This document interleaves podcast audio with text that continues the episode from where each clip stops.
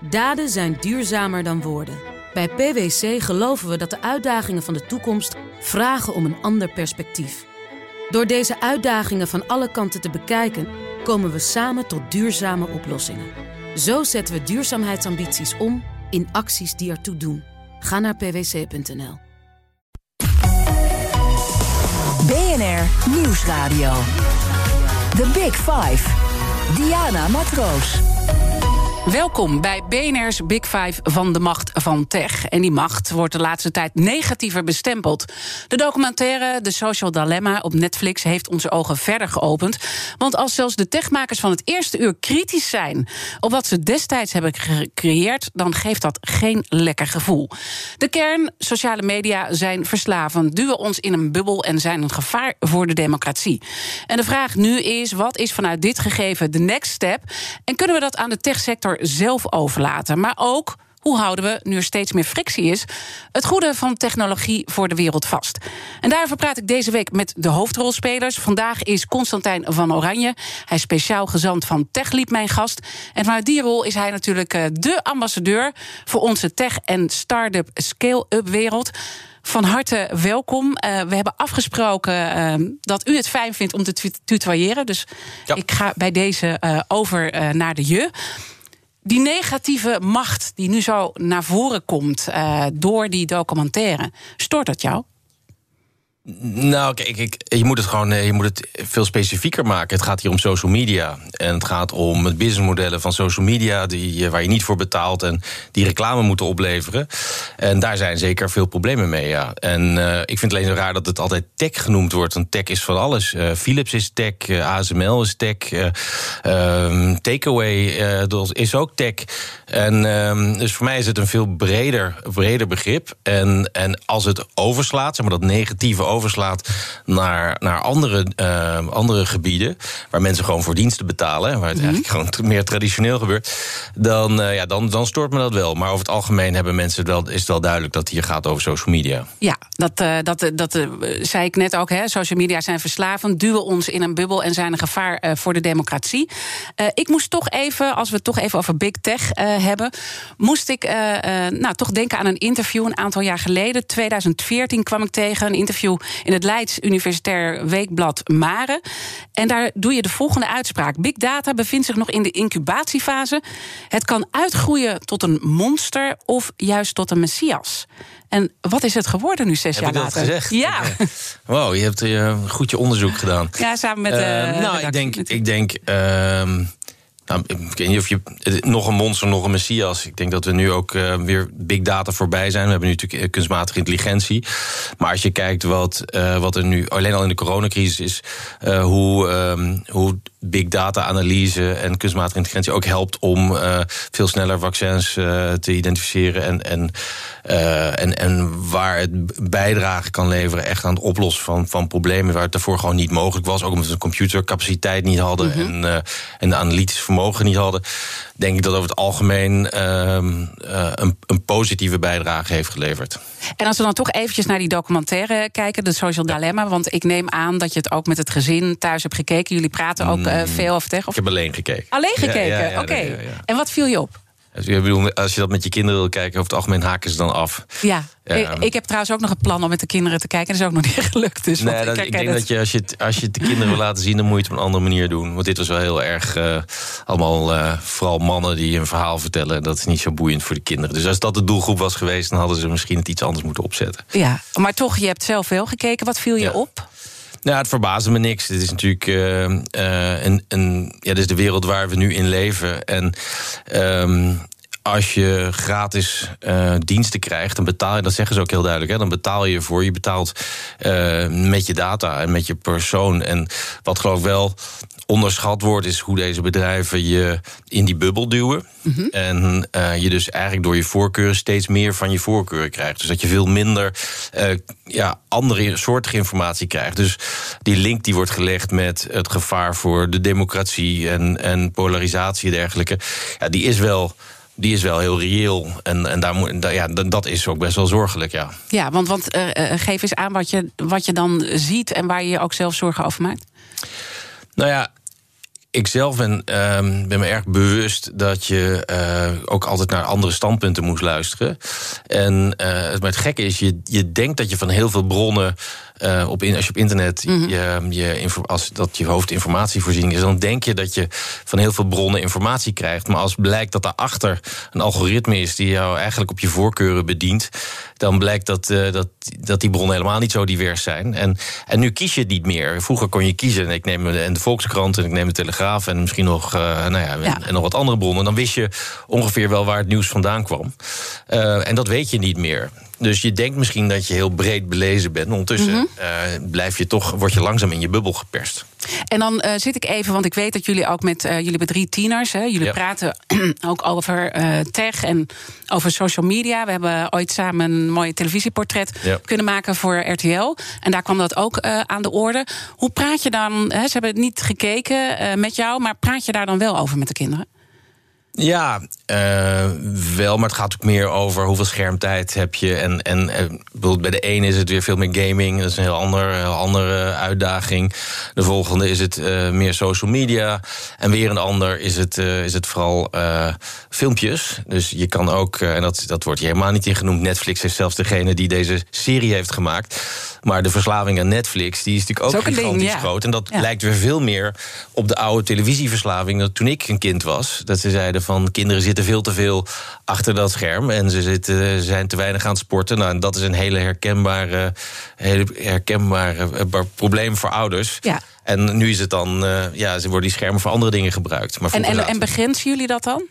Nou ja, ja, tot op zekere hoogte. Uh, maar ja, als je via diezelfde schermen ook je school moet doen... en het is ook je magister, je, weet je, je hebt dus en je huiswerk... en zeker nu uh, in corona, waar er heel veel meer ook digitaal onderwijs wordt gegeven... het zijn allemaal dezelfde schermen. Dus je kan, je kan niet een, een, een, laptop of een telefoon wegnemen... want dan neem je ook weer een toegang tot informatie die nodig is voor school.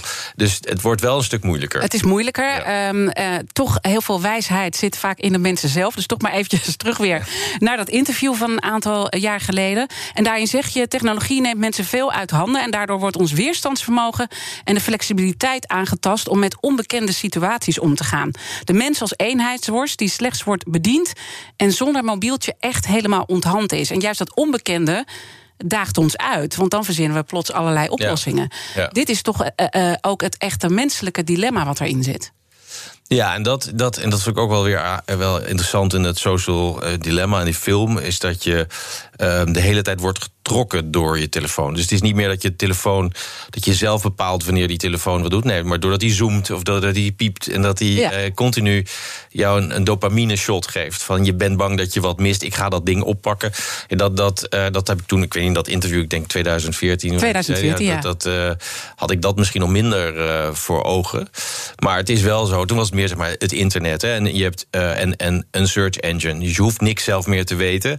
Je kan altijd binnen een paar seconden kan je aan informatie komen. En uh, het feit dat je dingen weet, dat je een referentiekader hebt, dat, dat geeft je ook de, de ruimte om dingen in te schatten. Uh, als je alles continu moet opzoeken en je het niet zeg maar, als referentiekader ook bij je draagt, betekent dat dat je veel kwetsbaarder bent. Ik denk dat dat was toen meer het ja. issue. En, en zie je dat dan nog steeds zo, of denk je dat het uh, veranderd is? Nou, ik denk, ik denk dat dat uh, versterkt is nog. Want uh, uh, als ik zie de, nou, de generatie van mijn kinderen, die delen alles. Dus uh, in plaats van te verwerken, wordt alles meteen gedeeld. Uh, mm -hmm. Emoties worden gedeeld, uh, zorgen worden gedeeld, blijdschap wordt gedeeld. Eindeloos gereed, ge, ge, her, ja. nou, ja, ik zou zeggen geretweet, maar zij gebruiken geen Twitter, gebruiken dan Instagram of Snap. Snapchat, TikTok, ja. ja. En, en dat is een andere manier van met emoties en gedachten omgaan. Dus dan moet je een keuze maken in plaats van dat je gewoon kiest. Of even overweegt. Nee, dan wordt er, wordt er aan vrienden gevraagd: van God, moet ik dit jasje aantrekken? Moet ik dat jasje aantrekken? Ja. Wat vinden jullie ervan? Nou, dan krijg je meteen binnen, binnen een paar seconden krijg je feedback van 30, 40 mensen over welk jasje je moet aantrekken. Nou, dat, dat was. Dat, dat, dat, was. Nee, nee, nee.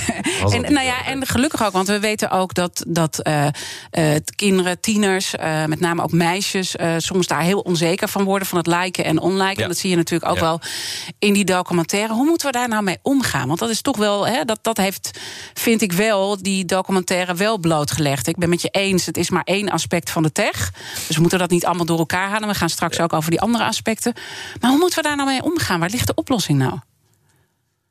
Nou, ik ben, daar ben ik geen, ook geen expert Nee. in. Zijn we allemaal, denk ik, ervaringsexperts. En gek genoeg eh, zijn eh, kinderen zelf ook niet, ehm, zeg maar, volledig gemanipuleerde, ehm, beschermingsloze wezens. Ze zijn uiteindelijk ook best slim. En die hebben ook door hoe je, eh, hoe je daarmee mee omgaat. Dus je ziet dat daar ook een soort van etiketten zich ontwikkelen. En, en dat ze elkaar ook ondersteunen. Het gaat niet alleen maar over ehm, jezelf verheerlijken. Ehm, er wordt ook wel op een aardige manier tegengas gegeven. En mensen worden ondersteund. Het is wat subtieler. Ehm, en, wij.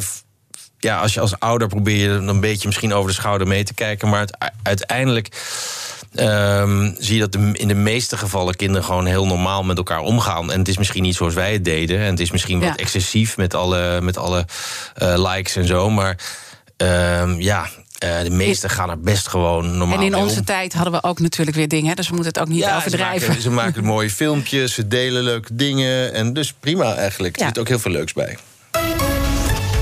The Big Five. Diana Matroos. Deze week praat ik met vijf kopstukken die ons inzicht kunnen geven in de macht van tech. Morgen spreken we met Victor Knaap van het digitale bureau Media Monks. En vandaag is Constantijn van Oranje mijn gast.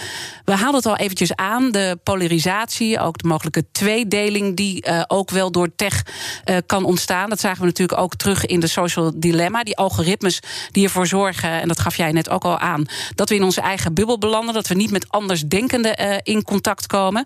In 2017, eh, bij de uitreiking van de Prins Klausprijs, riep je als op tot eh, verbroedering en eh, tot elkaar meer zien en in dialoog met elkaar gaan om, om dit eh, probleem ook weer te overbruggen. Wat is ontstaan eh, door tech? Nou ja, je zegt eh, tweedeling. Ik denk dat het meerdeling is. Ik denk dat iedereen in zijn eigen bubbel zit. En ook in verschillende personen. Als jij, je hebt misschien je wetenschappelijke bubbel. Of je hebt je mediabubbel. Of je hebt je, eh, je professionele bubbel. Je, je, je hobbybubbel. En, eh, en daarin raken we of mogelijk geïsoleerd. En dus af en toe moet je ook over die, eh, die schuttingen van die schermen heen kijken. En gewoon met elkaar in contact treden. En ik denk ook, ehm, en dat is wel heel leuk. Nou, ik, het is grappig dat je het Prins Klaus Fonds erbij haalt. Dat is altijd een, een kijkje op een volledig andere wereld. Die. eh, die van eh, waar we normaal gesproken niet zoveel mee te maken hebben. Gewoon cultuur, hoe die beleefd wordt in Afrika. En dat gaat over traditionele cultuur, maar ook hele, eh, hele, hele moderne cultuuruitingen in, in dans en in muziek. En, en ja, die mensen hebben, een, eh, hebben toch een ander perspectief dan wij. We hebben een heel westers beeld. En ehm, als wij denken dat, dat we zo gepolariseerd zijn en zo, dan zeggen zij, nou ja, als je vergelijkt met wat wij hier hebben meegemaakt, valt allemaal wel mee. En Ja. dus dus dat, dat, dat nodigt je al iedere keer uit om met een ander perspectief te kijken naar, eh, naar diezelfde werkelijkheid. En ik vind dat een verrijking. Ja, en, en wat moeten we dan vanuit die verrijking leren als we kijken in de tijd waarin we nu leven en hoe we in tech toch tot een eh, multideling, want dat vind ik wel interessant dat je dat zegt, niet een tweedeling, want daar heeft iedereen het heel vaak over. Een multideling, dat, dat lijkt me ook wel heel gefragmenteerd worden dan. Ja, maar kijk, ehm, technologie heeft ook heel erg gedemocratiseerd. Je kan nu vanuit de hele wereld kan je een bedrijf starten. Je kan uit, vanuit de hele wereld kan je een mening beïnvloeden. Of kan je een actiegroep opzetten. En, en andere mensen bereiken. En je, je gemeenschap is niet meer aan landsgrenzen of aan regio's gebonden. Je kan eigenlijk over, je kan Ja. wereldgemeenschappen. Dus het heeft die kansen ook. Dus Ehm, en het, het is dus belangrijk dat je continu zelf ehm, op, op, echt op zoek gaat Ja. naar, eh, naar, die, naar die andere mening. En naar ehm, eh, ja, jezelf een beetje uitdagen. Dus iedere keer dat je denkt van, dat je het allemaal zeker weet... nou, dan is het goed om eens met iemand te praten die een wat andere beeld heeft. Daarom ben ik altijd een enorme voorstand voor, voorstander van diversiteit. En diversiteit over, op allerlei verschillende vlakken. Omdat je daarmee continu weer je eigen vooringenomenheden zeg maar, eh, weerspiegeld ziet. Ja, en daar eh, eh, maak je ook een, een heel treffend punt. Want er is nu in de Verenigde Staten deze week een documentaire ge- gelanceerd, Code Bias. Door een zwarte Amerikaanse onderzoeker. die eigenlijk erachter is gekomen dat de technologie haar op sommige punten als zwarte vrouw niet herkent. Ja. En, en, en dat is natuurlijk even los van, van de bubbels waar we in terechtkomen. Dat is natuurlijk ook wel, want we gaan straks zeker over die kracht ook van tech praten. Maar dat is wel een probleem. Nou, dat is zeker een probleem. En uh, je, je, je, de encoder bias is een bekend probleem. En daarom moet je ook, als je een, uh, uh, moet je ook zorgen dat je, als jij uh, algoritmes schrijft en zo, dat, je die, dat die teams van een diverse achtergrond zijn. Want zeker als je klantengroep natuurlijk ook divers is. Want anders dan, dan sluipen er altijd voor ingenomenheden in. Zo zijn we nou eenmaal geprogrammeerd als mensen. wat ons bekend is, dat mm -hmm. is de wereld waarin we zitten. En, en dat vertalen we dan naar nou ja, de voorkeuren die we aan zo'n aan zo'n programma meegeven. En in die voorkeuren kunnen dus echt wel problematische keuzes gemaakt worden die ten koste gaan van een bepaalde groep. Dat kan of zijn vrouwen, omdat het alleen door mannen gemaakt wordt, of omdat uh, mensen van kleur niet erkend worden. Alleen al, hè, dat was er eentje over gewoon bij gezichtsherkenning bijvoorbeeld. Ja. Of er zijn vrij bekende gevallen waarbij de, de, het algoritme gewoon ja, alleen maar uitgaat van, ja. van, van witte gezichten en daarmee niet, niet een onderscheid kan maken en, en dus ook niet goed functioneren. En dan denk je, hoe kan dat, ja. hoe kan dat toch gebeuren? En blijkbaar zitten we zo in elkaar. We denken gewoon vanuit ons eigen wereld. En, en daarom is het belangrijk dat je die wereld iedere keer een beetje uh, ja, uh, opengooit. En, uh, ja. En dat je dus meer perspectieven toelaat. Ja, ik heb het zelf, uh, ik, ik, heb het gisteren ook al eventjes genoemd, maar nog even kort.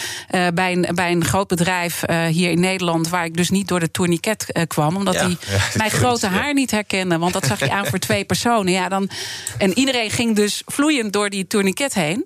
En ik, werd, ik ging erin en dan ging zo een beetje draaien. En dan vloep, dan spuugt hij er weer uit. En kwamen allemaal mensen op een gegeven moment bij. En uiteindelijk de specialist die zei: Ja, dit is het probleem. Dus, ja, je, wat heb je toen een badmuts opgedaan? Ja, ik dacht, nou ja, uiteindelijk ben ik er doorheen gekomen. Maar het, het geeft wel de ernst aan ja. ook. Uh, en dan vraag ik me wel af: heeft de techsector dat nou uh, voldoende, dat besef? En komt er ook al voldoende verandering vanuit die wereld?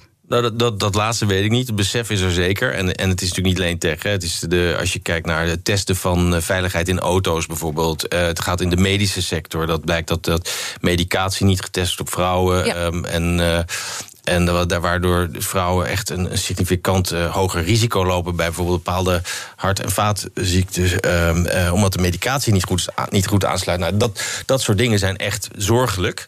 Dan is in die zin tech misschien nog wat minder. Uh, maar ja, als je nu ziet hoe belangrijk algoritmen worden en kunstmatige intelligentie. En als daar die voor ingenomenheden ingebakken zitten, ja, is dat natuurlijk heel problematisch. Ja, maar het is wel erkend. En ik geloof, als je kijkt ook de Europese Commissie werkt ook aan, mm -hmm. aan, aan regelgeving op het gebied van kunstmatige intelligentie.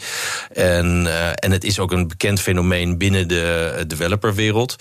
Uh, maar hoe je dat dan organiseert, ja, dat is een andere. Ja. En, uh, en dat betekent dus ook dat, dat in die, die tech, uh, grote techbedrijven, dat diversiteit gewoon een, een, echt een cruciaal punt wordt. Ja, want dat en is het punt waardoor ook die andere perspectieven ontstaan. Dan kan je ja, het ook oplossen. Ja, ja, ja. dus het is niet alleen een HR-dingetje. HR het is gewoon echt heel serieus hoe je als bedrijf manifesteert en, en hoe je je klanten bedient. Ja, over die multideling of, of tweedeling, of hoe je het ook wil. Wat, je ook hoort, is dat je toch uh, met het, het, steeds belangrijker worden van de technologie uh, op allerlei vlakken, dus niet alleen uh, social media, dat je ook een tweedeling krijgt tussen de haves en haves not. Um, hoe kijk je daarnaar? Doen we daar voldoende aan om iedereen uh, goed mee te krijgen? Ik zag bijvoorbeeld een verschrikkelijk verhaal in Amerika... waar heel veel mensen geen goede wifi hebben... en dat je dus ja. dan met je kind voor online onderwijs... mensen 20 minuten gingen rijden om naar een ja. goed wifi-punt te komen... dan in de auto gingen werken. Ja. Die auto hadden ze dan wel, maar oké. Okay. ja. Uh, hoe, hoe, hoe doen we dat in Nederland? Ja, ik denk dat ja, dat is echt, dat is echt wel een, een, groot punt. En technologie is niet, uh, maakt dat onderscheid niet, maar het versterkt bepaalde trends. Net zoals die, ik zei, multideling. Het is maar net wie daar gebruik van maakt. Als je wil polariseren uit, vanuit twee hoeken, dan kan je het ook twee delen, inderdaad. En dat is maar hoe de technologie gebruikt wordt. En in dit geval, uh, zeker als het gaat om hardware en het gaat om uh, wifi-connectie, dergelijke, waar er een kostenplaatje is, uh, is er het risico dat hoe meer je dit soort technologie nodig hebt. En hoe duurder dat wordt, hoe groter het, ja, het onderscheid wordt tussen degenen die wel de snellere telefoons hebben en wel de snellere computers en wel de snellere wifi en degenen die dat niet hebben. En als je natuurlijk al je onderwijs digitaal hebt, je hebt je zorg digitaal, ja, dan zijn dat echt wel dingen waar, je, waar, waar, ja, waar, waar het risico bestaat dat die tweedeling groter wordt. Ja. Laten we daar dan ja. uh, straks uh, verder Absoluut. over praten. Want dan praat ik verder met Prins Constantijn over de macht van tech. Maar liever nog ook de kracht van tech. Want tech uh, kan maatschappelijk ook heel veel voor ons betekenen in positieve zin. Tot zo. BNR Nieuwsradio. The Big Five. Diana Matroos. Welkom bij het tweede halfuur van BNR's Big Five. Fijn dat je weer luistert. Deze week praat ik met vijf kopstukken die ons inzicht kunnen geven in de macht van tech. Morgen spreek ik met Victor Knaap van het digitale bureau Media Monks. En vandaag is Constantijn van Oranje mijn gast. En voor de mensen die misschien net inschakelen, we hebben afgesproken om uh, te tutoyeren. En we kennen elkaar ook persoonlijk, dus vandaar ook dat we dat op deze manier uh, zo doen. We hadden het voor de break al eventjes over die maar ook die tweedeling, die kloof tussen de haves en de haves not. Als het gaat om uh, de technologische ja, revolutie bijbenen. Hoe, hoe, uh, hoe zouden we dat nou goed kunnen doen richting de toekomst? Dat we al die mensen gaan meekrijgen? Nou, ik denk dat um, het sowieso in de opleiding heel belangrijk is. Um, het is niet alleen mensen die nieuw de arbeidsmarkt opkomen, de juiste skills hebben om hierin mee te gaan. Maar ook uh, heel veel mensen die door de grote transities die we nu zien, en dat is niet alleen maar digitaal, maar digitaal is ook een belangrijke, um, die toch andere, waarvan die andere vaardigheden nodig hebben. En uh, je ziet dat heel veel mensen aan de ene kant hun baan verliezen, maar dat er heel veel vacatures openstaan. Dus die transitie, de reskilling, zoals we dat dan noemen, en uh, ook het ondersteunen van de, van de, de, de organisatie die, die die trainingen aanbieden om mensen te, nieuwe vaardigheden te geven. Ik denk dat dat heel belangrijk is. Dus, dus zorgen dat ze de vaardigheden hebben. Want um, uh, ik zei net, de, de scale en start-ups hè, die doen het natuurlijk goed. Dat is een goed uh, klimaat. Ja. En dat kan misschien altijd nog beter. Kunnen we het straks nog even over hebben. Maar die traditioneel opererende bedrijven, die beginnen denk ik wel een beetje een probleem te krijgen. Zeker nu corona nog meer een boost geeft aan dat uh, digitale. Ja, ik denk dat wat, we, wat je ziet, en dat speelt ook al lang, uh, dat er een heel aantal grote transities gaande zijn. Dus mm -hmm. de energietransitie, maar je hebt ook een transitie op het gebied van voedsel. Je hebt een transitie nu op het gebied van hele mondiale uh, supply chains. Uh, en natuurlijk digitalisering door corona heel erg duidelijk geworden. Dat allerlei processen nu digitaal moeten. En dus je ziet dat, de, ook dat de, dat de techbedrijven enorm gegroeid zijn in deze fase. Omdat zij toch beter geëquipeerd zijn voor deze tijd. En, en dat is inderdaad voor, voor heel veel bedrijven... Is dat, uh, levert dat de vraag op van hoe, hoe gaan we ons organiseren... Uh, als deze trends zich allemaal nu versneld doorzetten. En dat betekent dat je ja, dat je, je, je businessprocessen moet omgooien... dat je misschien andere skillsets nodig hebt. En, uh, en dat, is een, dat is natuurlijk een hele grote uitdaging. Ja, en maak je je daar dan zorgen over? Nou, nee, maar ik maak, me er, ik maak me er geen zorgen. Ik moet me focussen op uh, de start- en scale-ups. En die zitten over het algemeen meer op die trends. Omdat ze, uh, ze proberen natuurlijk iets, iets veel beters te doen dan wat er al is. Je hebt natuurlijk als start-up of scale-up heb je eigenlijk geen kans om te concurreren tegen grote bestaande bedrijven binnen. Als je precies hetzelfde zou doen wat zij doen. Want ze hebben alles al geoptimaliseerd en hebben alle contacten al en klanten en zo. Dus je moet iets nieuws doen. Of je moet je moet inzetten op een, op een trend die je ziet ontwikkelen, waar die, waar die grote bedrijven nog niet op zitten.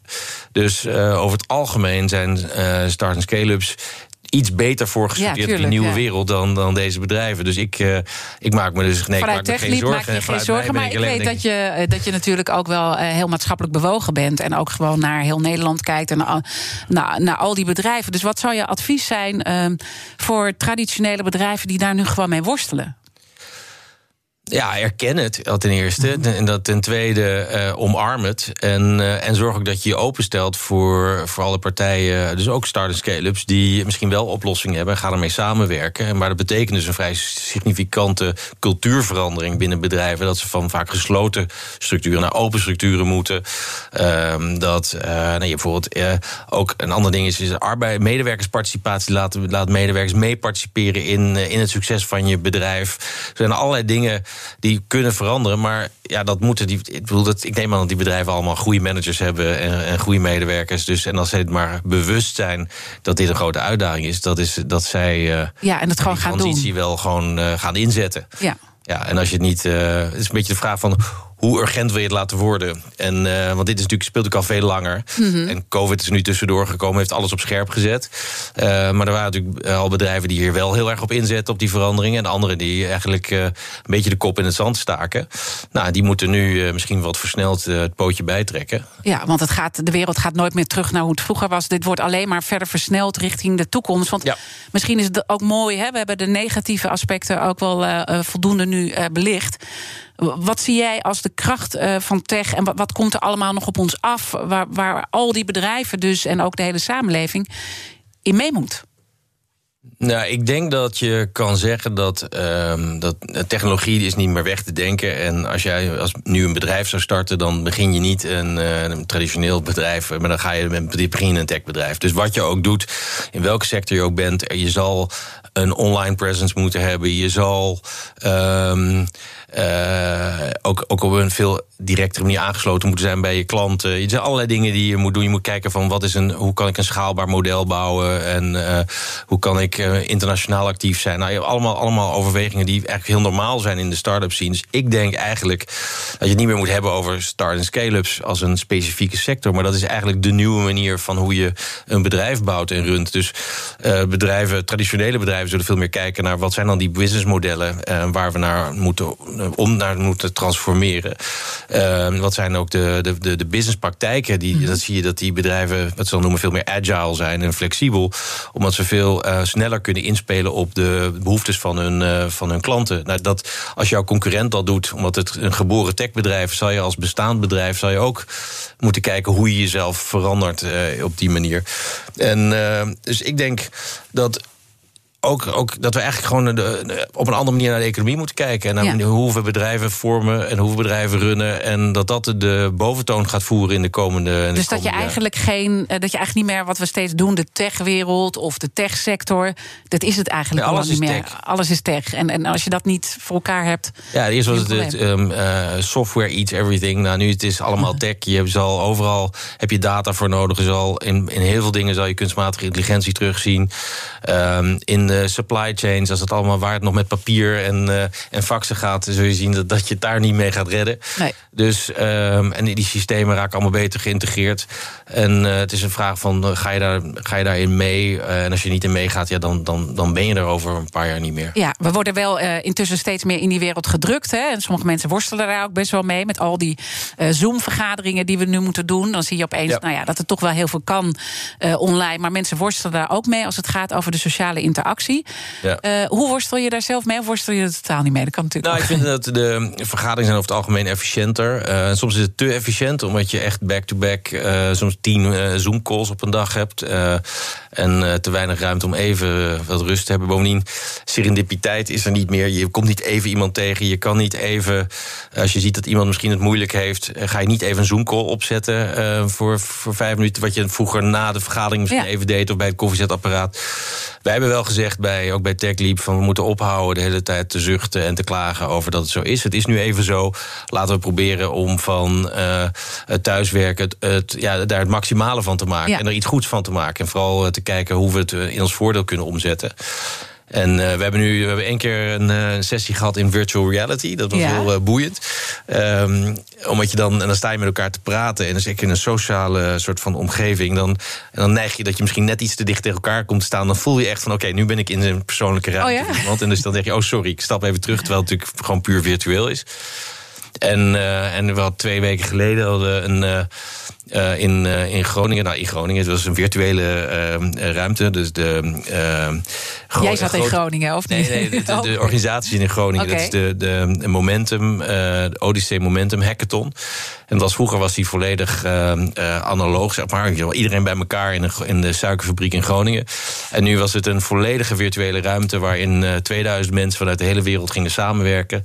Dat hebben ze binnen binnen vier, vijf maanden hebben ze het gebouwd helemaal. En daar met allerlei functionaliteiten. En, en als je daar een tijdje in zit, ja, dan, dan vergeet je een beetje dat je in een virtuele ruimte zit. Dan ga je gewoon met elkaar samenwerken, dan ga je dingen delen. En, uh, en, en daar werkt het gewoon. Dus, dus je uh, ziet van iedereen een, een soort virtuele bureautjes waar iedereen aan, je aan mensen, zit. En dan... je, kan mensen, je ziet mensen vliegen, je kan mensen opzoeken. Vliegen? Ja, ja vliegen. Je vliegt door die ruimte en dan kan je een, een, een, iemand een high five geven of zeggen van kunnen we even een tafeltje pakken. En dan pak je elkaar en dan zie je elkaar zo'n beetje zoals in een Zoom call. Gewoon met, uh, met een gewone video. Maar je kan dus samenwerken in die ruimte. Dus dat was wel weer even een, een, blik in hoe het misschien zich ontwikkelt als we nog heel lang COVID hebben. Ja. Ik hoop het niet. Ik hoop dat we ook gewoon weer uh, heel veel ja, fysieke ontmoetingen hebben. En, uh, dat ja, want dat vraag ik me dus af. Van gaan we dan weer terug naar die fysiek? Want je ziet dat er nu zoveel dingen ontwikkeld worden. En ik zag uh, nou ja, ook dat interview met, met Obama en, en Oprah.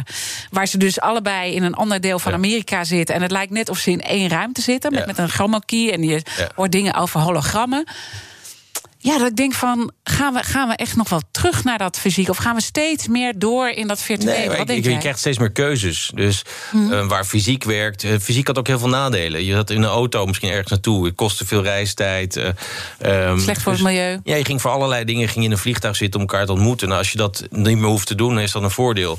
Dus ik denk wat, wat belangrijk is, dat je nu kan kiezen van wanneer moeten we nou echt bij elkaar zitten? En wanneer is dat belangrijk? Nou, en dan kies je dat. Ja. En ehm, het moet alleen niet alleen een efficiëntieafweging worden. Het moet ook gewoon een inhoudelijke afweging zijn van. eh, ja, en ik merk dat dat sociale ook heel belangrijk is in een organisatie, in de manier hoe je met elkaar werkt, de cultuur, dat je die deelt. En dat is allemaal wat, wat, wat moeilijker in een tweedimensionaal vlak van een, eh, van een scherm. Ja, precies. En, eh, maar het is wel leuk om te zien dat je dus toch, dat je dus toch meegezogen wordt in, in, in wat je laatst hebt gedaan. Dat je dan eigenlijk en- niet meer door ja, hebt. en, en dat zijn. en, en ik vind het ook wel mooi dat je nu allerlei dingen die we al, al lang konden, maar niet gebeurden. Dus dat je zorg op afstand, eh, diagnostiek op afstand. Dat je ook. eh, je hebt allerlei mensen, of kinderen, heel veel kinderen zijn thuiszitters, die krijgen geen goed onderwijs. En nu zie je dat we allemaal thuiszitters waren. Ja. En opeens zie je dat er dus eh, mogelijkheden zijn om mensen gewoon, gewoon goed onderwijs te geven op afstand. Ook al. En we, zijn er nog Maar niet daar goed zijn ook weer aandachtspunten. Absoluut aandachtspunten. Maar, maar, en dat is omdat we erin gegooid zijn gewoon in het diepe gegooid. En nu moeten we juist werken aan hoe we dat kunnen verbeteren. En, eh, en daar zie ik heel veel potentieel. Mooi. veel plezier. BNR Nieuwsradio. The Big Five. Diana Matroos. Je luistert naar BNR's Big Five van de macht van tech. Mijn gast is Constantijn eh, van Oranje. En hij is natuurlijk de ambassadeur als het gaat eh, om de tech. Maar we hebben net ook al eh, geleerd. We moeten eigenlijk stoppen met het spreken over de techsector en de techwereld. Want eigenlijk is alles intussen tech. En eh, corona heeft die extra push nog een keer gegeven. Omdat we allemaal in die digitale wereld worden gedrukt. Maar om dat toch even nog naar die Nederlandse techsector te kijken. Ik haal hem toch maar weer even aan. En de economische waarde. Ehm, wordt dat nou ehm, eh, voldoende onderkend in Nederland? Wat die waarde is? En wordt er voldoende gedaan als het gaat om de steun vanuit de overheid? Ja, kijk, waar we het over hebben zijn eh, bedrijven als NXP, ASML, Philips. Dat is allemaal, is allemaal tech. en, eh, en je hebt natuurlijk en eh, Adyen en Elastic en Takeaway. Het zijn allemaal, adject, allemaal, allemaal techbedrijven.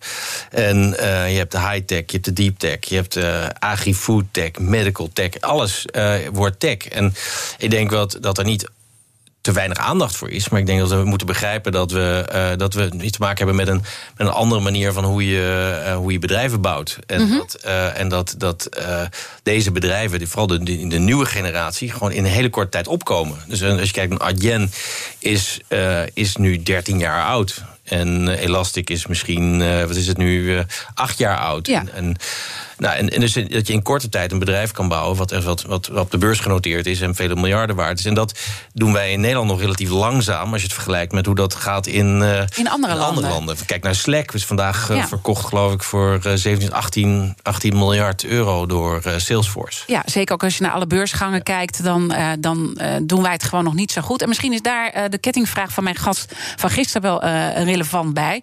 Want onze gasten stellen elkaar vragen. En ik sprak met Constance Scholten van Slingshot Ventures. En eh, zij had de volgende vraag voor je. Eigenlijk de vraag aan hem zou zijn van eh, eh, hoe zie je de komende jaren voor je en wat heb je nodig? Wat is de wens die jij zou kunnen vragen aan eh, alle start-up en scale-up ondernemers eh, of betrokkenen die jou verder zou helpen in de missie die je hebt? Ah, dat, is, ja, dat is een mooie vraag. Ehm, nou, mijn missie is om, ehm, om die start-up en scale-up eh, ondernemers verder te helpen. Dus ehm, zij kunnen me helpen door gewoon heel goed, eh, heel, heel goed bedrijven te bouwen... en eh, mensen aan het werk te stellen en succesvol te worden. Dus, ehm, dus ja, dat, dat zou nog... en dat Die ondernemers die, moet, die moeten het uiteindelijk ja, zij doen. moeten- hun succes is mijn succes. En op het moment dat. eh, het zou natuurlijk heel mooi zijn als je geen tech leap nodig had om dit aan te jagen. Mhm. en, en, en, dat, en kijk, onze uitdaging zit hem vooral, vooral in dat. ehm, deze manier van bedrijven bouwen, eh, de manier waarop ze gefinancierd zijn, eh, dus het soort van skills die je nodig hebt, die zijn niet, dat, die passen niet in het traditionele MKB, groot bedrijfsleven en, en dat soort hokjes. En de overheid, het onderwijs. is allemaal op die manier ingedeeld. Dus nu ga je op een andere manier bedrijven bouwen. Je gaat, eh, je gaat ze anders financieren. Ehm, en, dat, en, en daar, moet je dus, um, daar moeten mensen meer, meer bekendheid over hebben.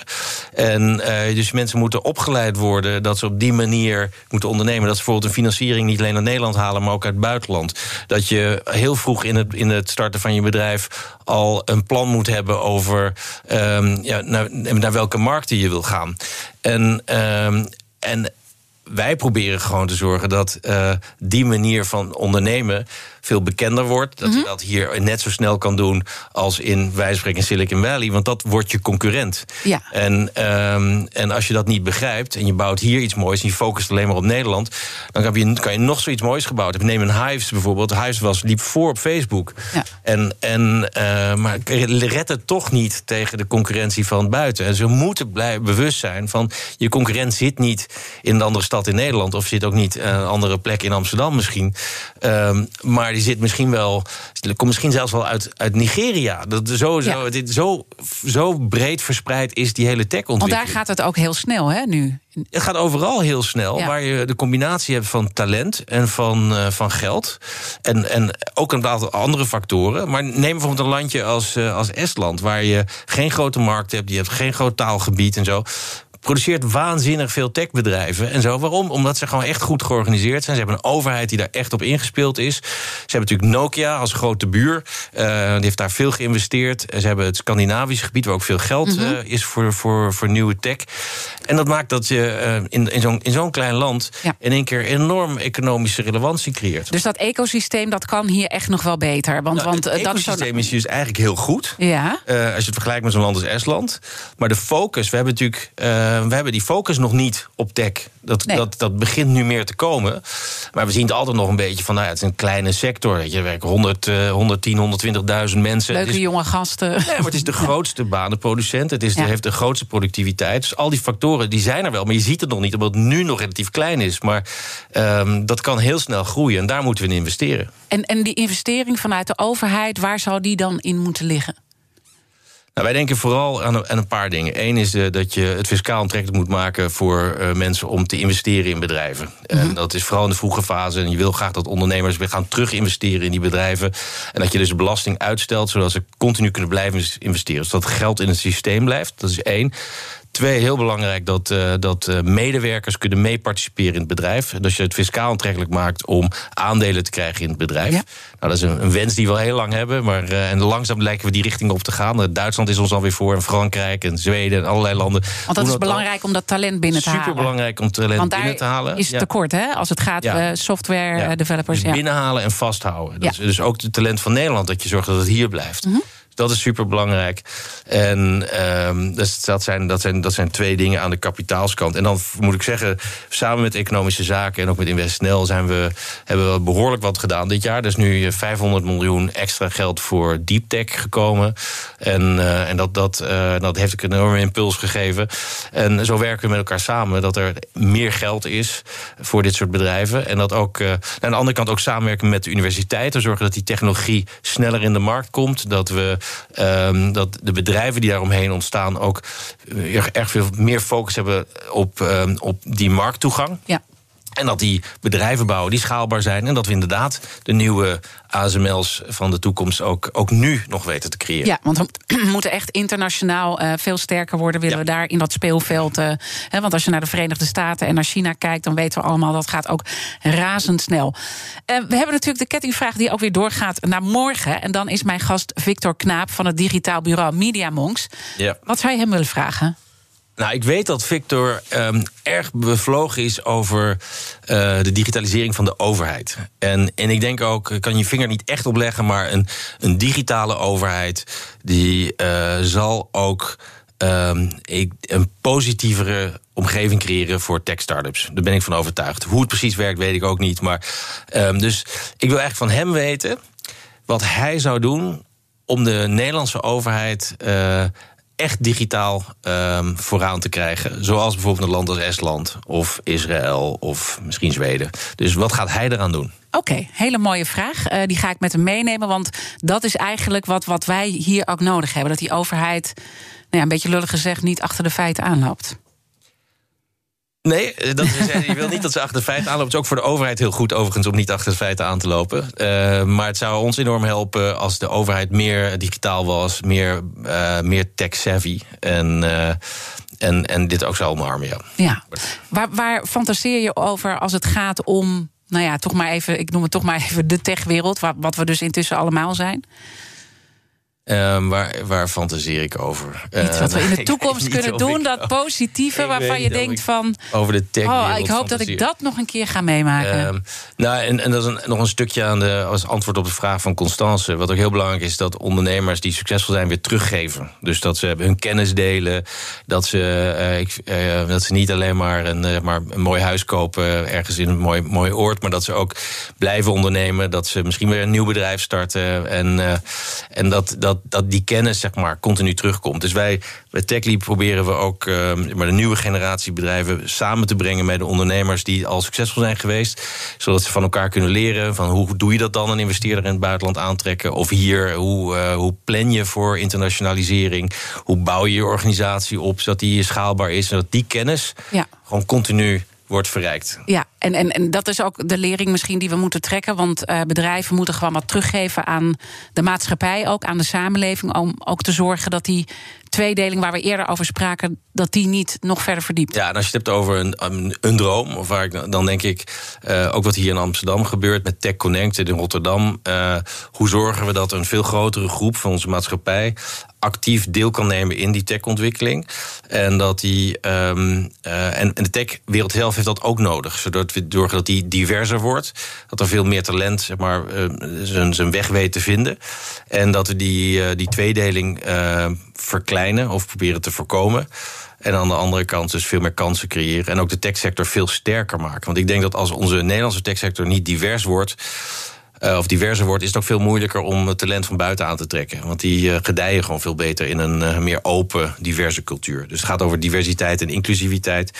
En dat, dat is dus een, een uitdaging. En als ik een droom heb, denk ik dan, nou, wat we de meest inclusieve en diverse techsector zouden hebben van, van Europa, dan, dan ben ik blij. Mooi, mooi slotakkoord. Uh, dank uh, dat je mijn gast wilde zijn, Constantijn van Oranje. En natuurlijk zijn alle afleveringen van BNR's Big Five zoals altijd terug te luisteren. Je vindt de podcast in de BNR-app en op bnr.nl. Maar blijf zeker de hele dag live. Straks Jurgen Rijman met het programma Ask Me Anything. En ik wens iedereen intussen een hele mooie dag. Daden zijn duurzamer dan woorden. Bij PwC geloven we dat de uitdagingen van de toekomst vragen om een ander perspectief. Door deze uitdagingen van alle kanten te bekijken, komen we samen tot duurzame oplossingen. Zo zetten we duurzaamheidsambities om in acties die ertoe doen. Ga naar pwc.nl.